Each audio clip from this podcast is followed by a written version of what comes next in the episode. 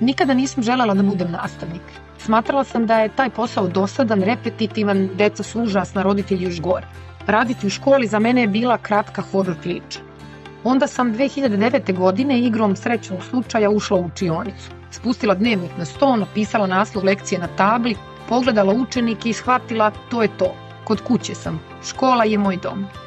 Moje ime je Anđelka Petrović i volela bih da svoje iskustvo i znanje podelim sa nastavnicima i roditeljima kako bismo zajedno stvorili prijatniju i bolju školu. Predajem srpski jezik i književnost u matematičkoj i računarskoj gimnaziji. 2023. godine bila sam jedini nastavnik srpskog jezika koji je dobio prestižni Fulbrightovu stipendiju za nastavnike lidere. Šest nedelja učila sam o školi i obrazovanju na univerzitetu i u školama u Sjedinjenim državama. Ko autorka sam učbenika od 5. do 8. razreda u izdanju Vulkan znanja. Nekoliko godina sam u Zavodu za vrednovanje obrazovanja i vaspitanja radila na sastavljanju zadataka za malu maturu. Sarađujem sa Agencijom Ujedinjenih nacija za izbjeglice na projektima koji se tiču obrazovanja i integracije prisilno rasiljenih. Višestruko sam nagrađivana nastavnica. No, ako ostavimo sve lovorike na stranu, ja sam nastavnica koja voli svoj posao i koja ne može da čeka da se sistem promeni. Radije bih da menjamo školu zajedno. Nastavnici, roditelji i deca. Ovaj podcast tome i služi. Moje ime je Anđelka Petrović, na Instagramu just donja crta srpski, a ova epizoda podcasta posvećena je nastavničkom stanju svesti. Stanje svesti se u savremenoj kulturi vrlo često naziva i mindsetom.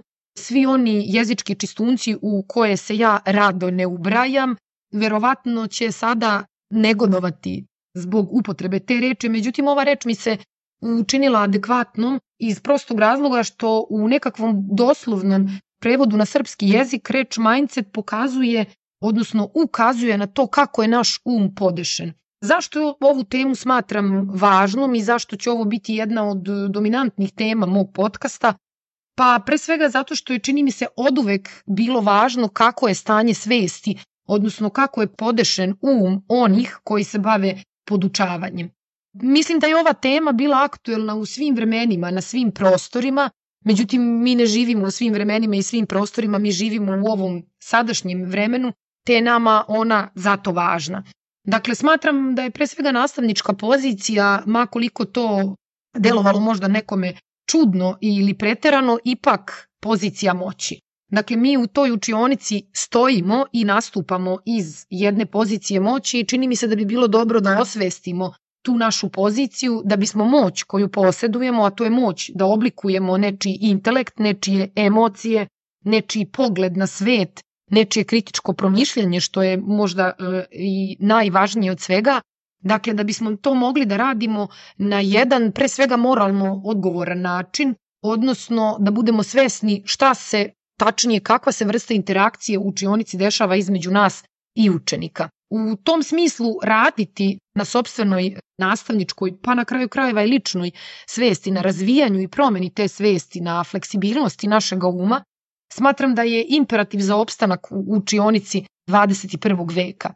Dakle, ja sam gotovo sigurna iz svog nastavničkog iskustva, i samo iz tog ugla i mogu da govorim da postoje oni nastavnici koji smatraju da se svet nepovratno bliži o svom kraju, odnosno da se svet nepobitno bliži e, svome kraju, da škola nije ono što je bila, da deca nisu ono što su bila i da e, podučavanje gotovo da gubi svaku svoju svrhu ili vid. Ja se moram uh, i složiti, ali se i suprotstaviti ovakvom stavu. Da, škola nije ono što je bila, niti su deca ono što su bila. Sa druge strane, škola i ne treba da bude ono što je bila pre 20, 30 ili 50 godina, niti deca treba da budu nalik onoj deci kakav smo mi bili. Podsjetit ću vas samo da smo, da većina nas ili ja sam bar odrasla u vreme postojanja fiksnog telefona i jedna od zabava je bila da igram lastiš sa drugaricama ispred zgrade. Ja se zaista ne sjećam kad sam poslednji put videla decu da igraju lastiš, dakle oni imaju potpuno drugačije igre. U tom smislu razgovarajući sa nastavnicima i dopisujući se sa nastavnicima koji prate moj Instagram profil, shvatila sam da se svi mi suočavamo sa čitavim nizom problema koji nam uh, opstanak učionici, rad učionici i ljubav prema našem poslu ponekad otežavaju do te mere da nam se čini da prosto ne možemo da izdržimo, da je to posao koji je nepodnošljiv. Neću ni pominjati način na koji je taj posao plaćen, odnosno vrednovan u našem društvu, jer to prosto u ovom trenutku ili bar ne u ovoj epizodi nije moja tema. Dakle, sam taj osjećaj pritešnjenosti ili pribijenosti uz nekakav zid gde dalje nema izlaza, donekle sam osetila i sama, ne u onoj meri u kojoj možda to osjećaju drugi nastavnici, jer sam stvarno, moram to tako i reći, blagoslovena radim u školama koje pohađaju deca koje zaista obrazovanje na jedan ili na drugi način interesuje i koji na kraju krajeva iako idu u škole koje, se pre svega, koje su pre svega okrenute prirodnim predmetima, pronalaze ljubav, e, interesovanje i svrhovitost u proučavanju jezika i književnosti, odnosno predmetu koji ja sama predajem. Dakle, iz te potrebe da e, sebi posao učinim lakšim, e, zanimljivijim, dinamičnijim, a da samim tim i toj deci kojoj predajem ono što ja predajem bude interesantno i prijemčivo, shvatila sam nekoliko važnih stvari. Prva važna stvar je bila da u trenucima kada se suočavam sa problemima na svom poslu, a oni su bili mnogobrojni i pre svega su e, dolazili e, od roditelja e, mojih učenika, vrlo redko od same dece, nekako ja uvek tvrdim sa decom ćete pronaći zajednički jezik i dogovoriti se, problem nastaje onog trenutka kada se u taj odnos umeša roditelj sa svojim vrlo često suprotnim ili najblažem, najblaže rečeno čudnim stavovima o tome kako škola treba da izgleda ili kako vi treba da predajete svoj predmet. Dakle, to su bili trenuci koji su kod mene stvarali veliku dozu stresa. Taj stres se vrlo brzo preselio na moje fizičko telo, dakle to su bili nesnosni bolovi u stomaku, grčevi u vratu, mišićima, povećana anksioznost, umor, i pravo je čudo da budem iskrena kako sam i u takvim okolnostima uspela da zadržim uh, ljubav prema svom poslu. Dakle, s jedne strane bio je taj pritisak kom sam bila nepobitno izložena, a sa druge strane jedna obeshrabrujuća misao, a to je da uh, sistem onakav kakav je ustrojen ne može da me zaštiti kao nastavnika. Dakle, ne mogu da očekujem pomoć od e, škole, niti mogu da očekujem pomoć od ministarstva, a sa druge strane ne želim da ostavim svoj posao i želim da ga radim onako kako mislim i osjećam e, da je najbolje da to radim. I te dve stvari su u stvari pokrenule moj proces razmišljanja kako da e, suštinski pomognem sebi da bi pomogla i svojim učenicima. Dakle, s jedne strane nesnosan pritisak e, roditelja, sa druge strane sistem koji je nezainteresovan da zaštiti nastavnika, odnosno da e, se založi za prava nastavnika u celom obrazovno-vaspitnom procesu. I onda sam shvatila stvar koja je, jednu stvar koja je suštinski za mene bila prekretnica, a to je da se čovek u 99% slučajeva u svom životu najčešće oslanja sam na sebe i da ukoliko želim da zadržim svoj posao koji neizmerno volim i u kome neverovatno uživam i koji obavljam sa puno ljubavi, da ću ja najpre morati da promenim sebe.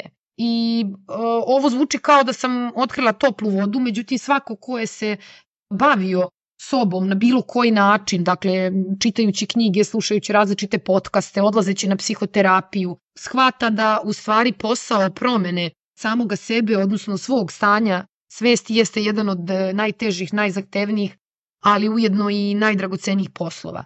I ta moja promena počela je pre svega tako što sam se odlučila da pohađam drugačije seminare i radionice za nastavnike U kom smislu drugačije? Dakle, za početak odbacila sam sve one seminare i radionice koji su isključivo bili usko stručni. E, dakle, ja zaista ne mogu da e, trošim vreme e, na seminar koji se bavi mestom zapete u rečenici ukoliko vidim da dete kome ja predajem se suočava sa ogromnom poteškoćom emotivnog ili mentalnog tipa i da ja tom detetu neću pomoći insistirajući da, da nauči pet gramatičkih pravila gde mora zapetu staviti u rečenici, ali mu hoću pomoći ako izdvojim vreme da razgovaram sa tim detetom, da razgovaram na jedan što je više moguće kompetentan, nepristrasan, objektivan, ali i empatičan način, i da tom detetu pre svega pomognem da se osjeća bolje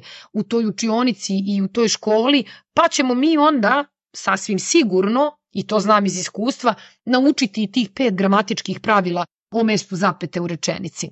Dakle, u tom smislu odrekla sam se usko stručnih seminara, okrenula sam se seminarima koje su pre svega vodili psiholozi, jer me interesovala tema odrastanja, odnosno sve faze kroz koje prolazi jedan tinejdžer na putu e, svog odrastanja, a onda su mi beskreno važni bili oni seminari koji su se ticali komunikacije. Koliko komunikacije sa decom, toliko i e, komunikacije sa njihovim roditeljima. Jer bez obzira na sve neprijatnosti koje sam doživala u toj komunikaciji, shvatila sam da je ta komunikacija neophodna i da ja kao nastavnik treba i moram na kraju krajeva da razgovaram sa tim roditeljima i da pokušam da pronađem nekakav jezik koji oni razumeju, koji je saradnički i koji je tu da pomogne i njima i detetu i meni da se u celom obrazovno-vaspitnom procesu osjećamo e, sigurno, osjećamo spokojno i osjećamo da razumemo jedni druge šta pričamo, odnosno šta želimo jedni od drugih. Tako da to je bila prva promena koja je rezultirala pre svega mojom promenom jer sam shvatila da sam u prethodnom periodu svog života i posla bila jedna prilično rigidna i nefleksibilna osoba koja je pre svega rigidna i nefleksibilna prema sebi pa samim tim i prema drugima i da neku vrstu fleksibilnosti, odnosno dubokog razumevanja treba da razvijem najpre prema sebi kao ljudskom biću, da bih potom mogla da razumem i potrebe drugog ljudskog bića koje stoji preko puta mene, a koje je zabrinuti roditelj ili koje je uplašeno dete.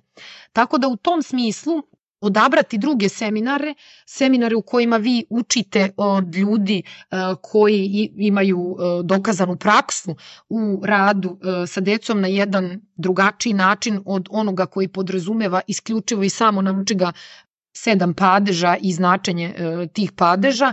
Takođe na tim seminarima mi je bilo značajno što sam dolazila u kontakt sa nastavnicima koji ne predaju samo srpski jezik i književnost, dakle te seminare koji se tiču komunikacije, koji se tiču asertivnosti, koji se tiču načina na koji tinejdžeri odrastaju, Te seminare pohađaju nastavnici koji predaju istoriju, geografiju, fizičko, učitelji, vaspitači, dakle to su sve ljudi koji dolaze e, suštinski iz moje sfere, ali sam ja prosto izašla iz te svoje klaustrofobične jezičko-književne ljušture i počela da osluškujem e, potrebe, iskustva i znanja drugih ljudi i da takođe od njih učim. I u tom smislu, i time bih verovatno i završila uh, ovu prvu uh, podcast epizodu, volela bih da svaki nastavnik u svom daljem poslu pre svega krene sam od sebe, odnosno od promene stanja svoje svesti. Ja ne mogu da obećam da će taj posao da bude lak, naprotiv, taj posao je tegoban, taj posao je šokantan, taj posao je pobunjenički posao, e, jer postoje segmenti vaše ličnosti sa kojima e, se nećete složiti ili segmenti vaše ličnosti koji će vas iznenaditi i segmenti vaše ličnosti sa kojima se nužno morate obračunati. To će pre svega doneti dobro vama, a automatski će se reflektovati i na dobro koje unosite u čionicu. To ne znači naravno da ćete biti u stanju zen budizma neuznemireni i bez ikad i jednog narednog konflikta sa detetom ili roditeljem. Konflikta će e, biti dogod postoji roditelj, dete, nastavnik, ali ćete te konflikte najpre doživljavati na jedan drugačiji način, a potom potencijalno i rešavati e, na jedan drugi način. Dobar deo tih nerazumevanja će se izgladiti, jedan deo će sasvim sigurno ostati, ali ono što mogu da vam uslovno rečeno obećam iz svog nastavničkog iskustva je da ćete se pre svega vi osjećati bolje u svojoj nastavničkoj koži. I zato e, vas pozivam da razmislite o stanju vaše nastavničke svesti, koliko ste spremni da je promenite, odakle biste voleli da krenete i vaše komentare možete ostaviti ili na mom Instagram profilu ili ispod ove podcast epizode. Hvala svima koji ste ostali do kraja i poslušali podcast epizodu. A ako smatrate da je sadržaj ove epizode kvalitetan, motivišući i vredan deljenja, podelite epizodu. Nastavnici, dobrodošli ste na moje pedagoško-metodičke radionice. Ljubitelji čitanja, posetite moje radionice književnosti za odrasle. Pozivam vas da pratite podcast Just Donja crta srpski kao i Instagram profil istog imena.